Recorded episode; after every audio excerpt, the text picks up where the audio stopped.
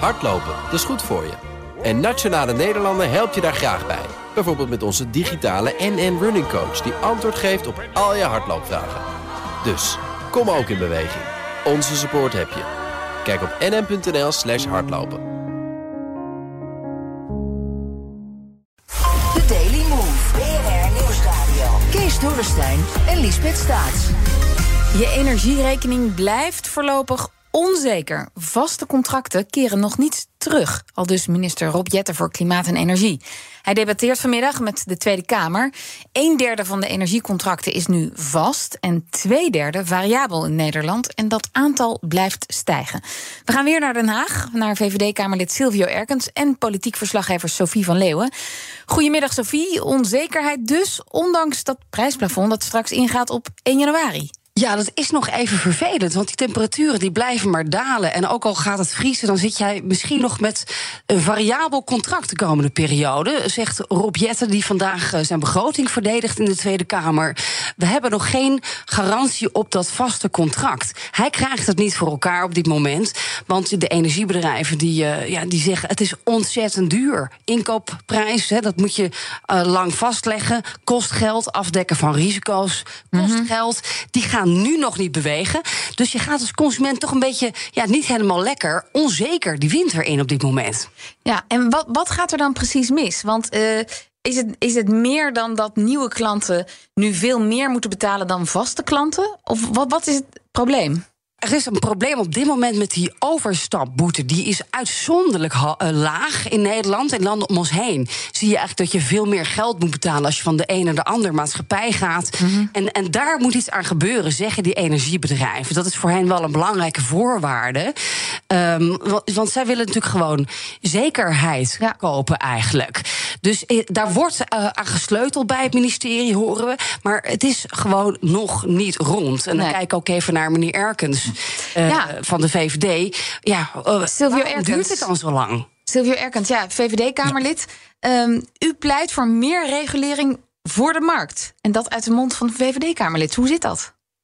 Ja, dat klopt. We zien op de energiemarkt met de hoge prijzen um, eigenlijk dat consumenten niet meer overstappen of niet meer kunnen overstappen. Energieleveranciers die bieden eigenlijk geen vaste contracten meer aan. En de variabele contracten die er nog zijn, die zijn ontzettend duur. Dus die marktwerking functioneert niet volledig op het moment. Dat betekent dat consumenten vastzitten bij een energieleverancier en ja, dat ze eigenlijk geen kant op kunnen. Dus dat betekent dat die consumentenbescherming veel strenger geregeld moet gaan worden. En we zien toch wel dit jaar al ja, best wel veel misstanden langskomen. Hè? Tariefwijzingen die heel plots komen. Uh, terugleververgoedingen van zonnepanelen die eigenlijk ja, maandelijks worden betaald in plaats van jaarlijks. We hebben echt heel veel van die incidenten gezien. Dus maar dat, dat is dus een voorbeeld van de vrije markt die dat niet goed regelt voor consumenten. Nee, maar de vrije markt is natuurlijk een instrument om um, zo goedkoop mogelijk energie te leveren aan consumenten. Maar het betekent wel dat de overheid en ook de toezichthouder erop moet nazien dat die consument beschermd wordt. En dat er binnen bepaalde kaders plaatsvindt. En we zien daar gewoon dat het gewoon ja, niet goed genoeg geregeld is op dit moment. En u zit eigenlijk een beetje machteloos toe te kijken als politiek op dit moment. En de energiebedrijven die bepalen. Nou, niet volledig machteloos, maar je ziet inderdaad wel dat de overheid vrij weinig instrumenten heeft nu om die markt bij te sturen. Dus waar ik vandaag ook voor zal pleiten in het debat, is inderdaad een breid dat mandaat van die toezichthouder uit. Zorg dat die toezichthouder veel strenger kan handhaven zodat we niet continu achteraf geconfronteerd worden met een, een incident of een schandaal, of hoe we het noemen. En dan we allemaal roepen: ja, wat slecht, het moet anders. Maar laten we gewoon nu zorgen aan de voorkant dat die toezichthouder ook echt kan ingrijpen.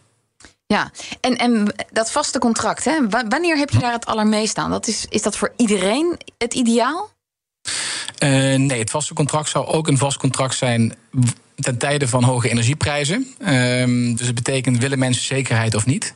Het geldt met name voor het verbruik wat buiten dat prijsplafond zou plaatsvinden. Dus de meeste mensen krijgen al zekerheid via het prijsplafond vanaf 1 januari.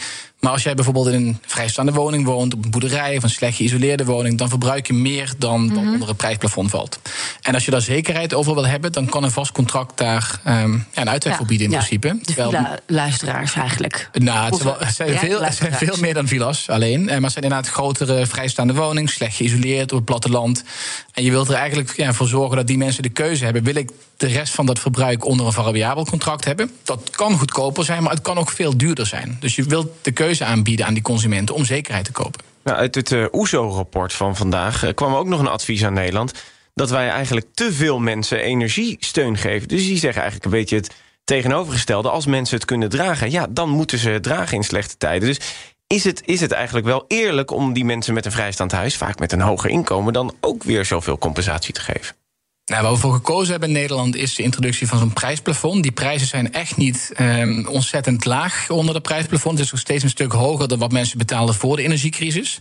Dus er blijft een prikkel voor mensen bestaan om hun woning beter te isoleren, om zonnepanelen aan te schaffen, ga ze maar door. Maar we willen ook voorkomen dat mensen op de korte termijn door het ijs zakken. Omdat ze geconfronteerd worden met een energierekening die ze niet kunnen betalen. Dus ik vind het goed uitlegbaar dat we hiervoor kiezen. En de minister heeft dat toegezegd, hè, dat hij naar die vaste contracten gaat kijken. Hij wil dat ook in de wet uh, verankeren. Maar wanneer, dat is nog niet duidelijk. Waarom duurt het zo lang? Nee, dat klopt. Um, omdat blijkbaar ook de toezichthouder nog de, de overstapboetes moet regelen. Zoals Sofie net ook aangaf. Dus wat mhm. je ziet is dat je in Nederland voor een paar tientjes kan overstappen naar een andere energieleverancier. Nou goed, ik, voor iedereen die een mobiel uh, contract heeft afgesloten voor de mobiele telefoon. Als je een contract verbreekt gedurende de looptijd, dan betaal je best vaak een fors bedrag om over te stappen. Ja, die energiecontracten worden nu niet aangeboden, omdat die leveranciers natuurlijk dan voor een aantal jaar energie inkopen voor een vaste prijs. En als jij dan overstapt na een maand, omdat het ergens anders goedkoper is, zitten zij met die dure energie. Dus je moet daar wel iets voor bedenken, eh, zodat die vaste contracten weer aangeboden en worden. Hoe duur moet dat dan worden? Honderden euro's? Nou ja, dat zal te maken hebben met inderdaad hoe lang is het contract wat je afsluit en hoe lang is die looptijd nog. Dus ik denk dat het vergelijkbaar zou zijn aan mobiele telefonie. Nogmaals, consumenten kunnen er dan voor kiezen om een vast contract af te sluiten, waarbij je inderdaad ook vast kan blijven zitten in een contract wat misschien duurder gaat zijn als de prijzen goedkoper worden. Of je kiest voor een variabel contract, maar dat heeft wel meer onzekerheid. Maar op dit moment is die keuze er niet voor mensen. En dan nog iets over die vaste contracten, maar dan een beetje uh, nou ja, wereldwijd, met een wereldwijde blik. Want uh, wie wel een lange termijn contract geregeld heeft, is China met Qatar. Dat werd gisteren bekend. Voor miljoenen tonnen aan LNG uh, gaan ze afnemen van Qatar voor de komende decennia. Ja, missen wij in Nederland niet de boot? Ik ben daar wel bang voor. Uh, wat je ziet is dat op die, die grote internationale markt voor vloeibaar gas, LNG-gas, dat heel veel um, van het aanbod al vastgelegd is in lange termijn contracten door China. Um, het voorbeeld van Qatar was alleen het meest recente voorbeeld. Door Japan, door Korea. Dus heel veel andere landen doen dit. En ja, de Europese landen die leggen dat niet vast. Want ja, we zijn een verduurzamer, dus we willen ook geen contract van 27 jaar vastleggen. En tegelijkertijd um, denken we ook vaak: het is goedkoper om het gewoon in te kopen wanneer we het nodig hebben. Mm. Nou, we hebben onszelf daar wel mee in de vingers gesneden, denk ik. Dus ik zou zelf zeggen: laten we ook kijken als Europa, of in ieder geval als Nederland met Duitsland en België of wij dit soort contracten niet kunnen gaan afsluiten, bijvoorbeeld met Noorwegen, ehm, die ook veel gas heeft en die dit ook al heeft aangeboden in Europese landen, maar waar dan toch niks mee gebeurt. Maar niet met Qatar, want we hebben een minister die zit volgende week bij die voetbalwedstrijd tegen Qatar, minister Helder. Wordt daar niet ergens stiekem een handtekening gezet? Ja, kijk, ik denk dat je de komende twee, drie jaar uh, niet de luxe hebt om bijvoorbeeld niet te zeggen: we willen geen gas uit Qatar of geen schaliegas uit de VS. We hebben als Europa gewoon nu al het gas nodig wat we beschikbaar kunnen vinden om die prijs omlaag te houden. 27 jaar Qatar? Maar 27 jaar Qatar is wel heel gortig. Ik zou zeggen, als we voor die echt lange termijn nog gas um, gaan vastleggen in contracten, dan zou ik eerder willen kijken naar bevriende landen zoals Noorwegen. Ja, dat is wel veiliger. In de buurt zit. Dat snap dat ik. Een stuk veiliger. Maar we hebben toch ons lesje net geleerd dat we niet meer van die enorme contracten willen afsluiten met andere grootmachten, bijvoorbeeld Rusland. Waarom zouden we dat dan weer wel met Qatar doen?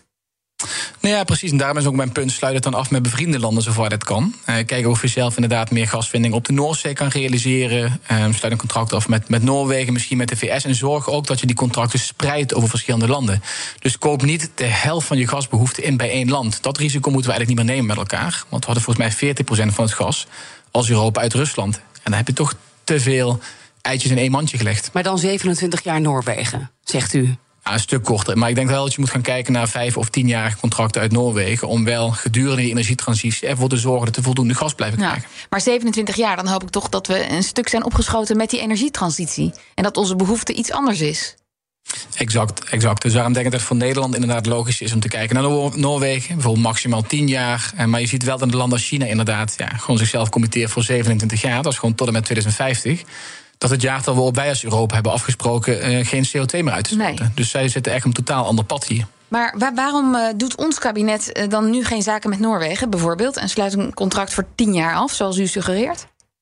Ja, ik zal er vandaag ook voor gaan pleiten in het debat in ieder geval. Ik weet wel dat er ook vanuit uh, Brussel al gesprekken gaande zijn met Noorwegen. Maar het wordt nu wel tijd om die gesprekken om te zetten in acties. Ja, want we zijn heel goed in praten met wat in Europa over wat een goed idee is. Maar je moet het nu wel gaan vastleggen met elkaar. Want we missen gewoon de boot. We missen de boot. En de Noorse overheid heeft ook al aangegeven onlangs in een persconferentie, dat was de minister-president, dat zij bereid zijn best wel forse kortingen te geven op de prijs van vloeibaar gas. Als Europa bereid is dat in een contract voor vijf of tien jaar vast te leggen. Ja, dat kan ook onmiddellijk zorgen dat die energieprijzen natuurlijk wel iets dalen in Europa. Maar vreest u niet dat die energiemaatschappijen die contracten helemaal niet willen afsluiten vanwege het prijsplafond? Er is eigenlijk niet zoveel te verdienen op dit moment. Nee, maar dan praat je over, het komende jaar uiteraard alleen. En ik denk dat we ook naar de lange termijn moeten kijken. Dus ook voor die energieleveranciers, hè, met de onzekerheid van... Eh, krijgen we wel genoeg gas binnen of niet... dan moet je wel gaan kijken naar kunnen we voor de komende vijf of tien jaar beter borgen met elkaar. En de overheid kan dan natuurlijk ook best wel een regulerende uh, rol in nemen. Want we zien dat Nederland eigenlijk een van de weinige landen is... die nooit gebruik maakt van lange termijn contracten. Maar dat ja, landen zoals Frankrijk daar veel meer ervaring mee hebben. Dus, dus toch een overheid die dat iets meer bijstuurt. Vandaag dus dat debat in de Tweede Kamer met de ministers van Economische Zaken en Klimaat, Jette en Adriaansens. Tweede Kamerlid Silvio Erkens voor de VVD en Sophie van Leeuwen, dank jullie wel. Hardlopen, dat is goed voor je. En Nationale Nederlanden helpt je daar graag bij. Bijvoorbeeld met onze digitale NN Running Coach... die antwoord geeft op al je hardloopvragen. Dus, kom ook in beweging. Onze support heb je. Kijk op nn.nl slash hardlopen.